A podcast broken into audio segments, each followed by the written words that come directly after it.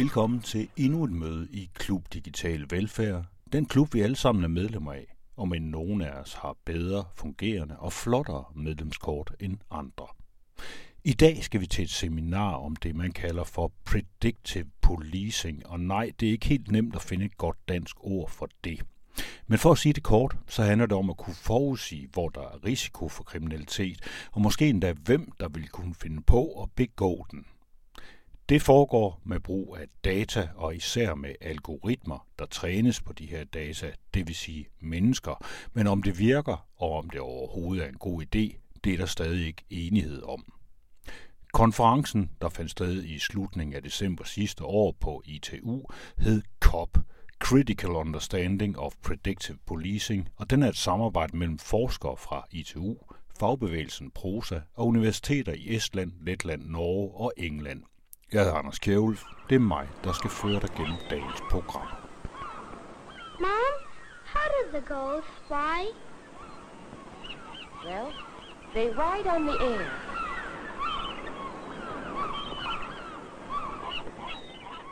I dag handler Klub Digital Velfærd om COP, en konference om predictive policing, og lad os starte direkte med en af talerne, lektor Christian Damsgaard fra DTU ekspert i cybersikkerhed. Du har stået her og lavet en øh, gennemgang af, hvad skal man sige, hvad predictive policing er for noget i virkeligheden. Og der har du været inde over, for eksempel, når det, det, de to interessante steder, jeg lige lader mærke til, til at starte med, det er, at du starter med at fortælle, at du er ikke selv på sociale medier. Kan du starte med at fortælle lidt om, hvorfor er du ikke det? Jamen det er jo, øh, som jeg tror også tror, jeg sagde øh, her til, til sidste under et spørgsmål. Øh, I første omgang, så, øh, da jeg overvejede at gå på Facebook, der læste jeg betingelserne for, øh, for Facebook, og øh, det var bare ikke øh, betingelser, jeg kunne underskrive. Øh, så, så derfor så ville jeg ikke være på Facebook, og så er det ligesom fuldt over til mange af de andre medier. Øh, de er jo så også siden blevet opkøbt af Facebook, så, øh, så det viser sig jo, at øh, selvom jeg var gået over til nogle af de andre medier, så ville jeg måske have været underlagt øh, Facebooks kriterier efterfølgende.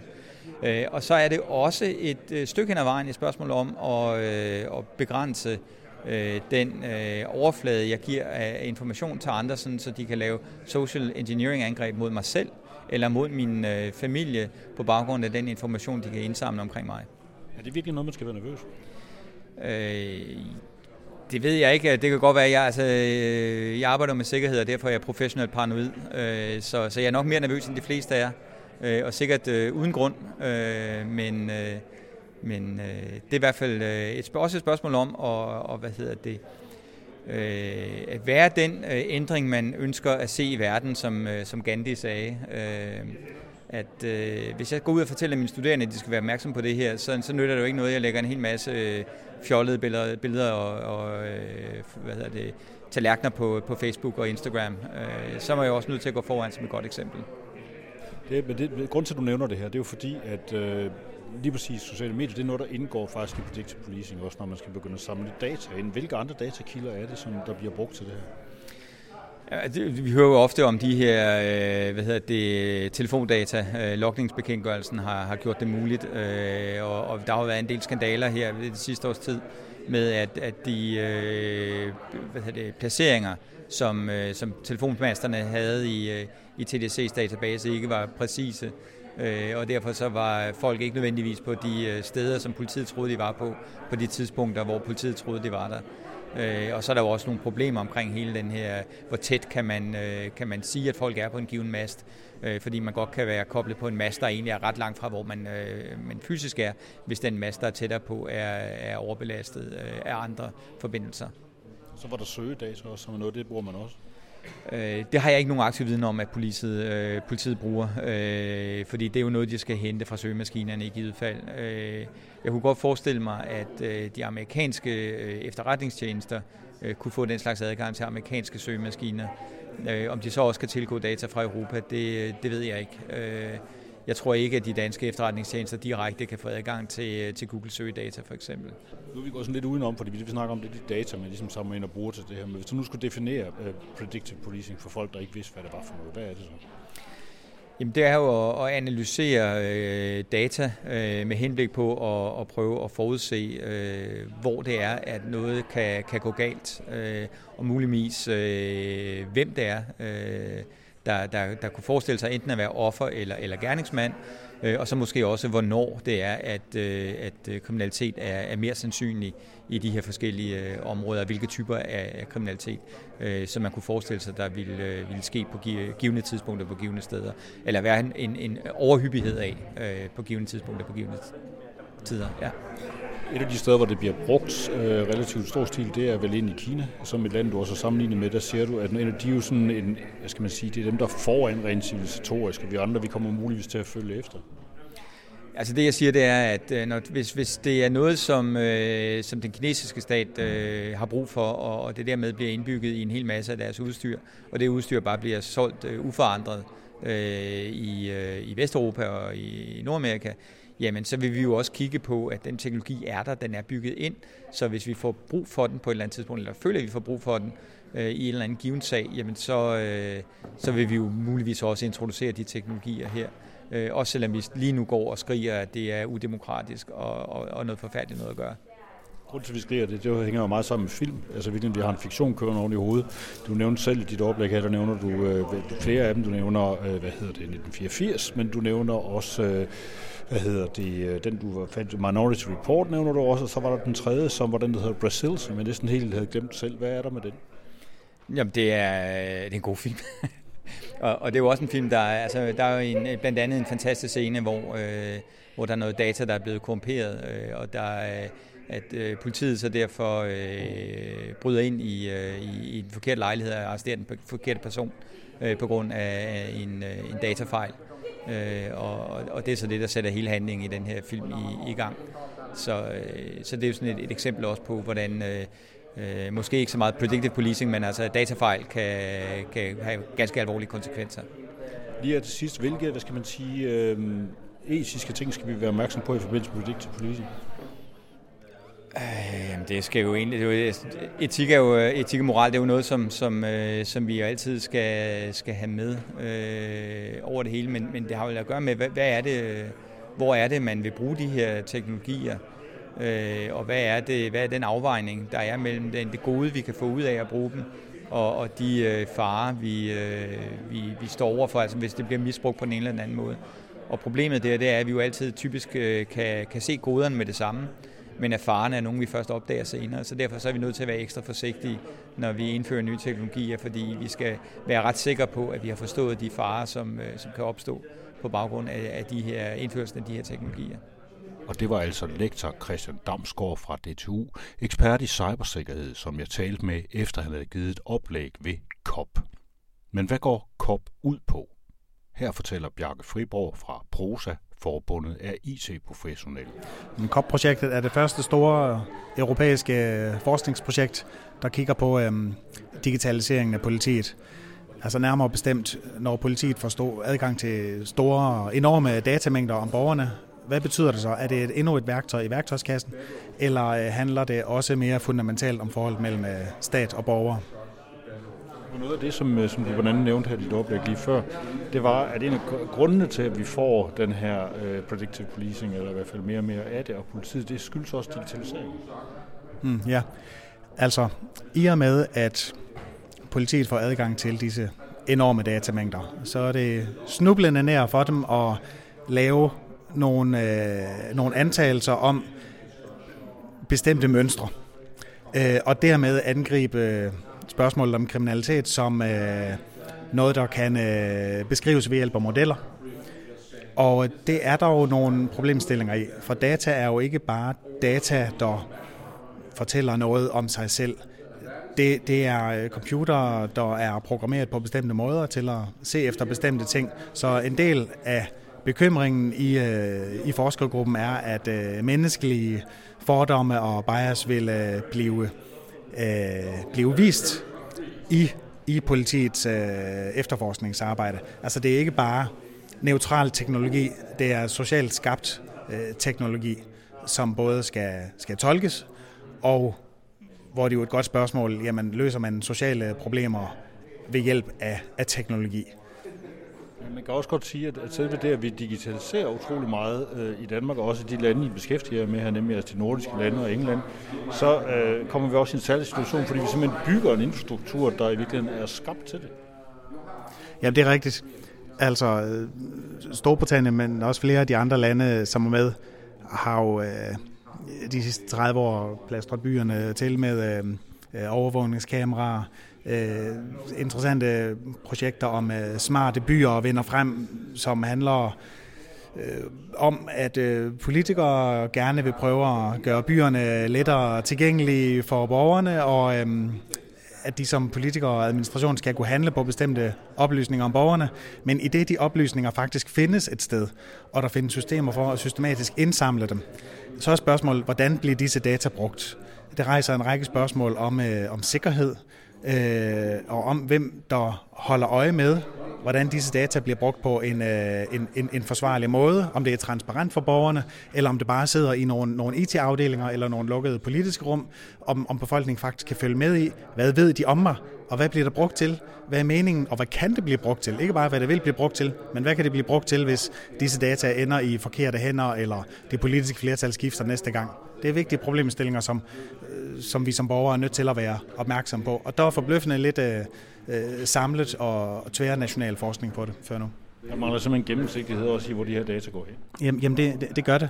Og øh, det er jo også et område, som er egnet til spekulation.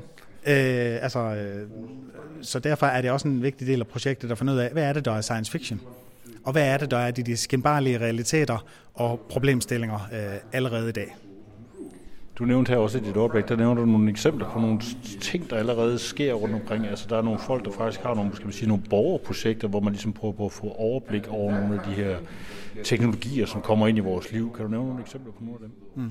Ja, der er nogle rigtig interessante eksempler. Atlas of Surveillance er et, øhm, et forskerdrevet projekt, som har samlet oplysninger om forskellige overvågningsteknologier, der er i brug forskellige steder i USA. Der findes tilsvarende projekter, hvor man kan sammenligne øh, på tværs af lande. Og øh, nogle af projekterne er drevet af, øh, af forskere og eksperter, og andre øh, projekter er drevet af mm, bekymrede eller bare interesserede borgere, som simpelthen hjælper med at finde ud af, hvad, hvor er der et overvågningskamera. Der er OpenStreetMap, som også er et, et borgerdrevet projekt på den måde her, kan øh, almindelige mennesker simpelthen gå ind og, og fortælle, jamen der er et overvågningskamera, og der er, der er en parkeringsplads, eller hvad det nu kan være. Og på den måde så bruger man øh, nogle kapaciteter, som, som forskerne ikke selv råder over, til at finde ud af, hvad, hvad findes der allerede? Og det kan man jo arbejde med i spændende interaktive modeller, så man kan gå ind som borger også og holde øje med, hvordan bliver vi overvåget. Hvad kommer der ud af det her projekt? Det, som projektet har, har, har sagt, er, at der skal komme et idékatalog ud af det. Der kommer selvfølgelig noget forskellige forskningsindsigter og begrebsafklaring osv. Og begreber kan, kan være vigtige nok til at begribe, hvad er det, der, øh, der sker lige for tiden. Øh, men vi håber også at være mere konkrete i idékataloget. Ikke alene begreber, men måske også nogle, øh, nogle hjælpemidler, nogle, nogle databaser, øh, visualiseringer af øh, dilemmaer, ting man skal være opmærksom på, måske nogle guides til, hvordan man kan, kan orientere sig som, øh, som borger eller civilsamfundsgruppe, eller hvad det nu kan være, i, i dette her øh, landskab, som, som vokser frem mere eller mindre øh, offentligt. Og det var Bjarke Friborg, Prosa. To maintain these and hundreds of complex electronic circuits. A monitor checks all circuits every few seconds, inserts a backup circuit if and when trouble develops, and alerts the communal service agency for replacement. Du er inde i Klub Digital Velfærd, viser seminaret COP Critical Understanding of Predictive Policing, og det er emnet for hele programmet i dag. Klub Digital Velfærd har tidligere beskæftiget sig med predictive policing. Her talte jeg blandt andet med Vasilis Galis fra ITU, og han er også en af initiativtagerne bag COP. Du kan finde det gamle program i klubbens arkiv. Her fortæller Vaselis om baggrunden for projektet og nævner blandt andet en meget populær film, Minority Report, hvor politiet har adgang til tre orakler, der kan forudse kriminalitet, mor og røverier, før de bliver udført.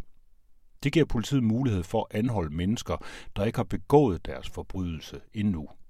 Filmen den blev lavet af Steven Spielberg efter manuskript af Philip K. Dick. Ja, det var ham, der skrev forhistorien til Blade Runner.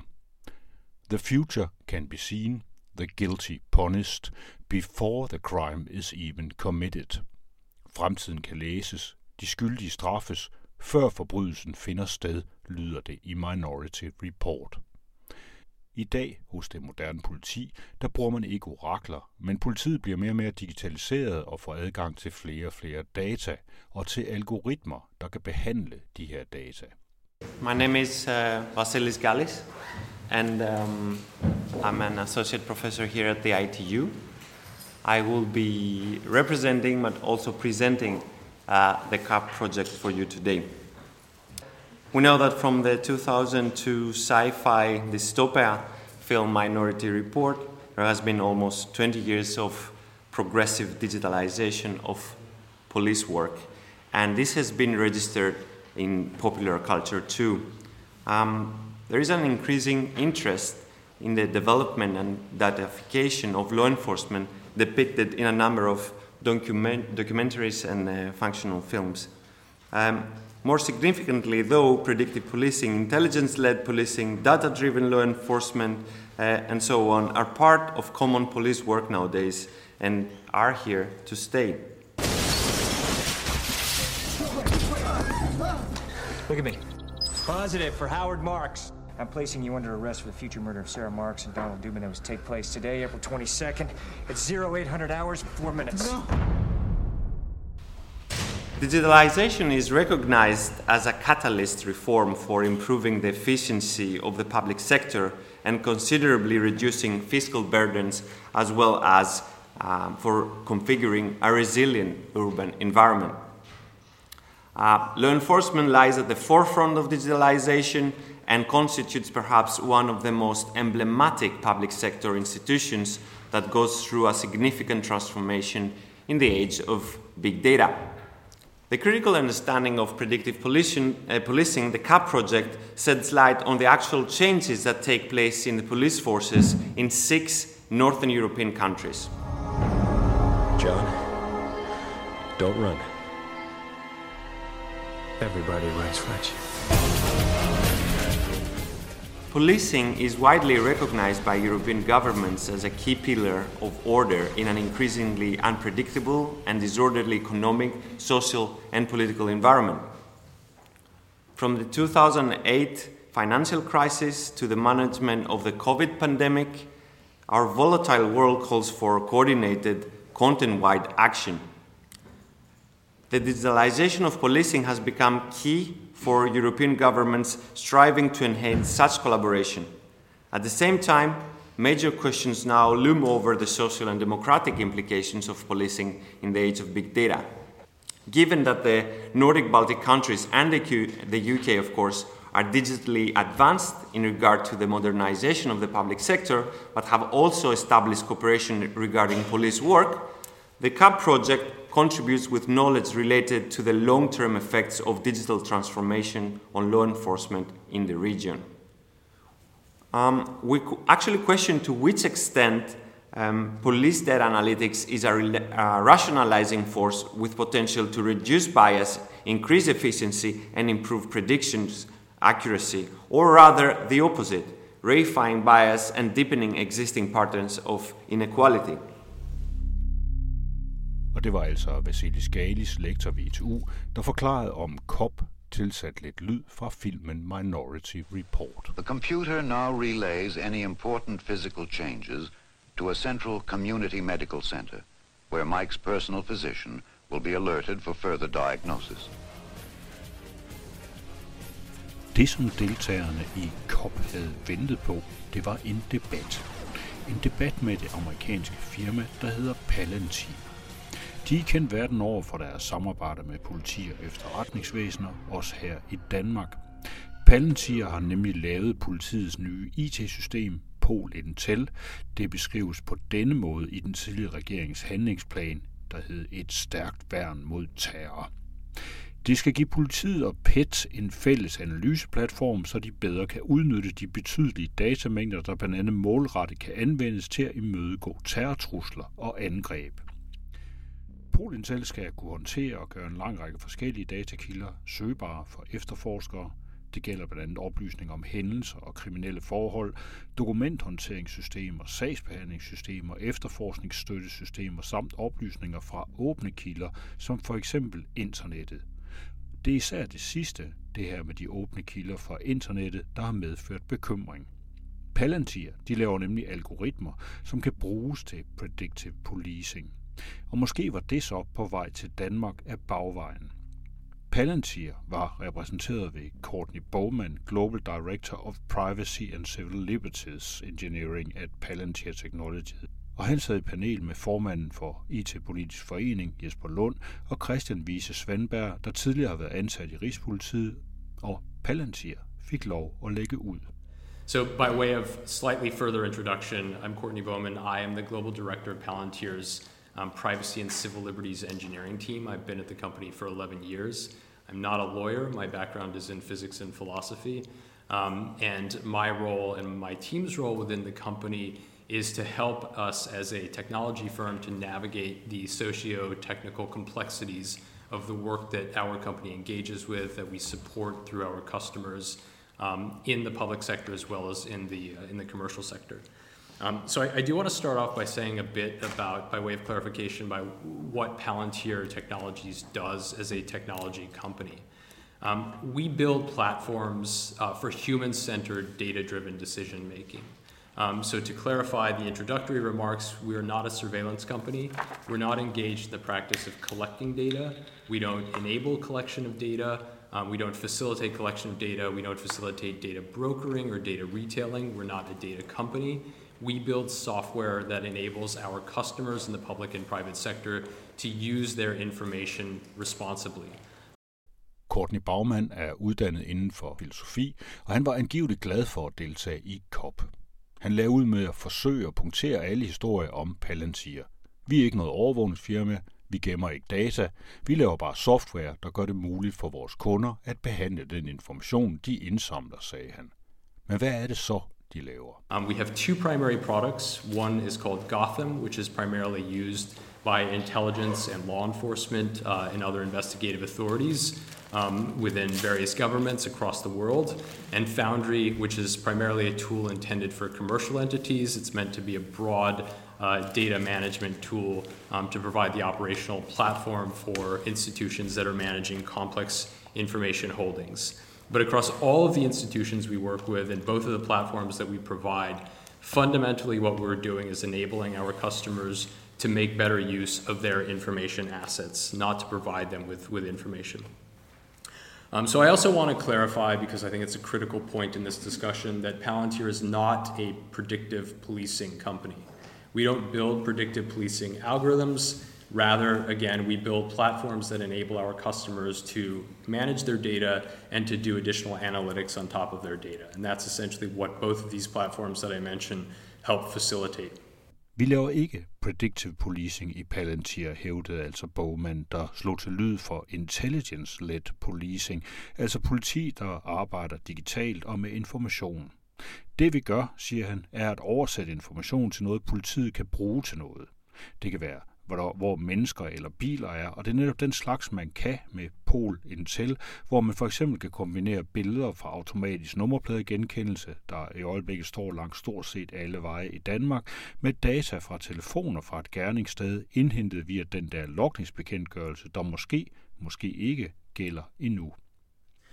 So, just to double tap on this concept of data integration, this is a, a, critical aspect of taking essentially what you can think of as rows and columns of information and translating it into things that, ana- that analysts, officers, uh, and other agents in law enforcement agencies can make sense of. So, objects like people or vehicles um, or other physical representations are more useful things for people to interact with in order to preserve a sense of data accuracy and fidelity to the world that law enforcement agencies have responsibility towards. Med data kan man visualisere en sag, siger Baumann.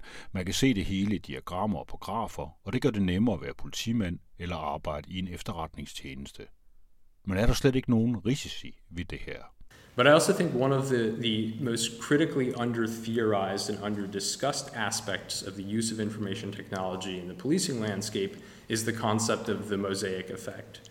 And this is where I, I, would like to see more discussion take place, a more grounded discussion that acknowledges what law enforcement agencies are actually doing with information technology, um, which is uh, the, the technology that Palantir provides, and working towards reasonable solutions. Mosaic effect is essentially the idea that you may have individual pieces of information that have limited sensitivity in and of themselves. But when combined together, they create a composite view that can tend towards a broader, almost surveillance like view of, of society or an individual's interaction um, with various components of society.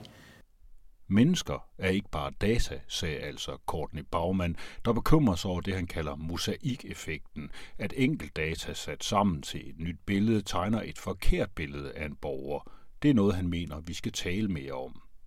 Det var ikke muligt at have medvirkende fra dansk politi med til debatten i COP, men Christian Vise Svandberg, der tidligere har været hos Rigspolitiet og stillet op til debat, selvom han nu er et helt andet sted. Jamen, jeg var øh, centerchef i Rigspolitiet og det, der hedder DPO, øh, altså Data Protection Officer, øh, under ikke GDPR, som de fleste kender, men retshåndhævelsesdirektivet øh, og loven, som er de særlige regler for databeskyttelse, der gælder for politiet. Og nu er jeg bare privat borger med en fortsat brændende interesse for databeskyttelse. Vi har haft en diskussion om det, der hedder predictive policing i virkeligheden med, med Palantir, øh, amerikansk firma, som øh, blandt andet står for øh, hvad hedder det, det system, der kører hos dansk politi, som hedder Pol Intel. Det står det i hvert fald for dele af det. Det interessante var, at ved hele den her diskussion, der er alle jo sådan set sagt, at der findes ikke predictive policing i Danmark. Det er, det er simpelthen ikke noget, man gør. Er det rigtigt forstået? Ja, kort sagt ja. Altså i, dansk politi, øh, med, med den indsigt, jeg har fra, fra min tid, øh, der vil jeg sige det sådan, hvis man, hvis man går til det på den, den, den videnskabelige måde og siger, hvad er det egentlig, når man taler predictive, altså det at forudse noget, øh, man prøver at gætte, hvem der vil begå kriminalitet, eller prøver at gætte, hvor kriminalitet vil blive begået, øh, det forekommer ikke. Der forekommer selvfølgelig brug af statistik, øh, kriminalitetsstatistikker, og øh, politiet øh, forholder sig selvfølgelig til, hvor har der øh, historisk set været begået øh, kriminalitet af hvilken type, på hvilke tider af døgnet. Man vil nok være overrasket over at, at øh, ændre byen fredag aften øh, uden for corona, men i julefrokosttiden, så er der gang i gaden i forhold til vold, men, men man kunne måske godt analysere sig frem til andre ting omkring, hvornår er det, at, at indbrud i et sommerhus begynder at blive særlig øh, øh, udbredte øh, i forhold til, til årstider osv. Så, videre. så nu kunne man jo godt prøve at forudse sådan helt banalt den type sådan vil jeg sige, ret banal, øh, statistisk baserede overvejelser, har jo altid fundet sted. Det har potentielt ikke gjort hverken fra eller til i forhold til. Øh, det, det, øh, det, det, det mere bekymrende, kan man sige, element af det, det skulle være det, hvor man forsøger at forudse individer, der begår kriminalitet. Og det, det gør man slet ikke. Det kan man slet ikke. Allerede fordi det kræver enorme datamængder at kunne forudse noget på individniveau. Det findes simpelthen ikke. Og fordi vi er for få mennesker i Danmark. For få mennesker med heldigvis alt for lidt kriminalitet. På det der med, at der er for lidt kriminalitet, så en af de ting, som, man, øh, som jeg i hvert fald har forstået, var, at der blev lavet en undersøgelse for nogle år tilbage, hvordan politifolk har det med ny teknologi. Så var der nogen der af dem, der sagde, at de, de var ikke så meget for det, fordi det krænker deres politinæse, som er udtrykket. Altså man ligesom har en indre erfaring. Er det også noget, du har hørt om i dit øh, arbejdsliv?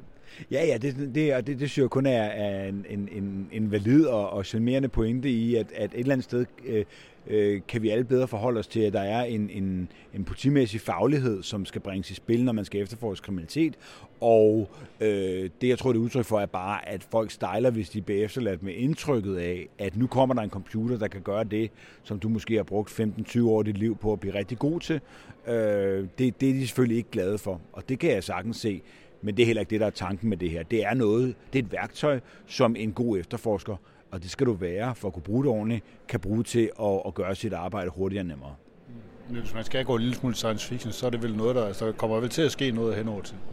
Jo, det er altid. Det er svært at spå, især om, især om fremtiden, øh, men, men, men det vi taler om her og nu, og det man kan i dag, øh, og den lovgivning, der er i dag også, øh, det, det gør i hvert fald, at det er ikke noget, der forekommer nu. Det var altså Christian Vise Svandberg, tidligere Rigspolitiet, men tilbage til Palantir. And then finally, and perhaps most critically to sum up, uh, in intelligence led policing, technology provides a set of tools for managing and using data. It's humans who are ultimately um, the ones who are providing real intelligence. And this is, this is a critical point to underline that technology is at its base a tool to advance the initiatives of humans who have uh, a set of responsibilities. And I think we should always keep that in mind as we carry forward in the discussion.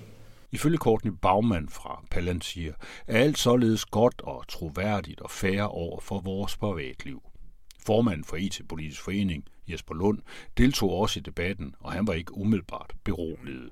Palantir er jo et, øh, ja, dataanalysevirksomhed, som, som leverer software, som kan integrere øh, eksisterende datakilder øh, hos, øh, hos politiet, og som kan visualisere øh, disse data, lave, lave, for eksempel lave hotspots, hvor man ser kriminalitet i et bestemt område, men det kan også bruges til at finde øh, ukendte øh, forbindelser mellem personer eller for personer og, og steder, personer og kriminalitet, der er begået tidligere, øh, finde nålen i, i høstakken. Øh, og det er et, øh, ja, altså Palantir Gotham er, er sådan øh, softwaren, som bliver, bliver leveret og tilpasset til, øh, til, til de enkelte kunder, for, for eksempel Rigspolitiet i Danmark.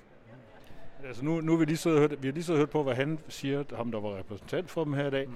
Det lyder som om, at det de laver, det er jo stort set bare noget databasesøgning på en avanceret måde, men de har fået sådan et ry, som sådan i hvert fald være nogen, der er sådan lidt ballade. Det har muligvis noget med at gøre med deres navn i sig selv, det ved jeg ikke rigtigt. Men hvorfor kommer det her ry for? Hvad er der galt med dem? Altså, jeg tror, at Palantirs dårlige ry kommer øh, del, dels for, for, for navnet, øh, der øh, kan man sige, er, er lidt uheldigt valgt, ikke? Men, men også fra deres øh, kundeliste, ikke? Som, øh, altså, det startede med at være efterretningstjenester, øh, og nu er det så blevet politimyndigheder. Øh, og så måske også lidt fra, fra, fra ejerkredsen, ikke? Den, den kontroversielle øh, Peter Thiel. Øh, med hensyn til, hvad Palantir rent faktisk gør, ikke, så altså, jeg er sådan set enig i, at der, der, er mange, der er mange myter om det. Øh, blandt andet, fordi det er lidt svært at få præcis information om, hvad, hvad, hvad Palantir gør. Ikke? Altså, jeg, øh, det, det blev fremhævet, at, øh, at, øh, jeg, jeg havde fundet videoer på, på YouTube, men det er jo sådan nogle, øh, det er jo sådan nogle øh, promovideoer, hvor, hvor Palantir viser de bedste sider af, af, af deres system frem. Ikke? Og, øh, de kritiske spørgsmål er, er, er, er, er får, får man ikke besvaret på den måde, ikke? men der, der var så nogle af dem, der blev, der, der blev besvaret i dag. Ikke? For, for eksempel en meget interessant diskussion om, øh, om øh, øh, brugen af, af data fra Palantir systemer i øh, Los Angeles øh, til noget, der sådan, øh, ja, reelt var, var forudsigelse, eller forsøg på forudsigelse af, hvem der vil begå kriminalitet. Øh, og det der spørgsmål med laver, altså, laver Palantir forudsigelser, laver, laver Polintel forudsigelser, ikke var, var noget, der blev, øh, øh blev, blev diskuteret meget. Ikke? Øh, og for mig er det i høj grad en, en, en, en strid om ord, ikke? fordi forudsigelser for mig er meget mere en sådan minority report forsøg på at forudsige, hvem vil begå kriminalitet den næste uge, og så anholde dem inden da. Det er også forudsigelser af, hvem, altså, hvem kan være forbundet til en, øh, en, en bestemt kriminalitet, der er begået, hvem kan være mulige medlemmer af, af en, øh, en bande, og dermed skal måske have større, større opmærksomhed for, for politiet. Alt dette, som, som bliver lavet på grundlag af dataanalyser, som er en efterfølgende menneskelig øh, vurdering, øh, som vi jo ikke ved finder sted i praksis, ikke? men det bliver vi lovet hele tiden. Øh, det er en del af Palantirs systemer, øh, og det er en del af Polintel, og det vil er for mig også øh, forudsigelser, og derfor vil jeg stadig kalde det hele for predictive policing. Det benægter han. Han siger, at det, er ikke, det har ikke noget med predictive policing at lave. De laver det nærmest ikke, og alle mulige andet. Men det, det trækker vel den retning. De vil ikke, der er også andre firmaer, der laver det samme. Der er nogen, der hedder Predpol, ved jeg i hvert fald, og de siger jo lige ud, at de laver predictive policing. Øh, er det måske sådan, at Palantir lægger lidt afstand til dem, eller laver deres eget game her i den her sammenhæng? Altså, predictive policing har helt klart fået et dårligt navn, ikke? Og, og netop øh, uh, Predpol, som du nævner, uh, har faktisk for nylig uh, skiftet navn til Geolitica. Øh, ja, ligesom øh, Blackwater, ikke? Øh, de, de, de skifter navn øh, hele tiden. Øh, men, men altså, hvis man eksempelvis laver øh, øh, de såkaldte heatmaps, kriminalitet i et bestemt område, øh, så bliver det sagt, det er ikke predictive policing, det er bare statistik. Øh, men man laver, det her, man laver det her med et specifikt formål, man laver det med et formål om at planlægge den fremtidige patruljeindsats. Og så får det altså, et, selvom, det, selvom dataanalysen som sådan måske er historisk øh, og er en ren statistisk optælling, så bliver det jo brugt til et prognostiseringsformål, nemlig planlægning af den fremtidige patruljeindsats.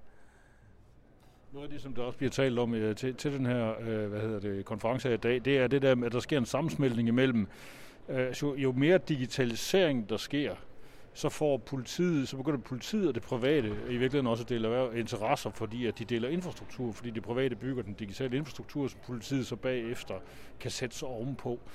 Hvor kommer Palantir ligesom ind i den forbindelse, den sammenhæng?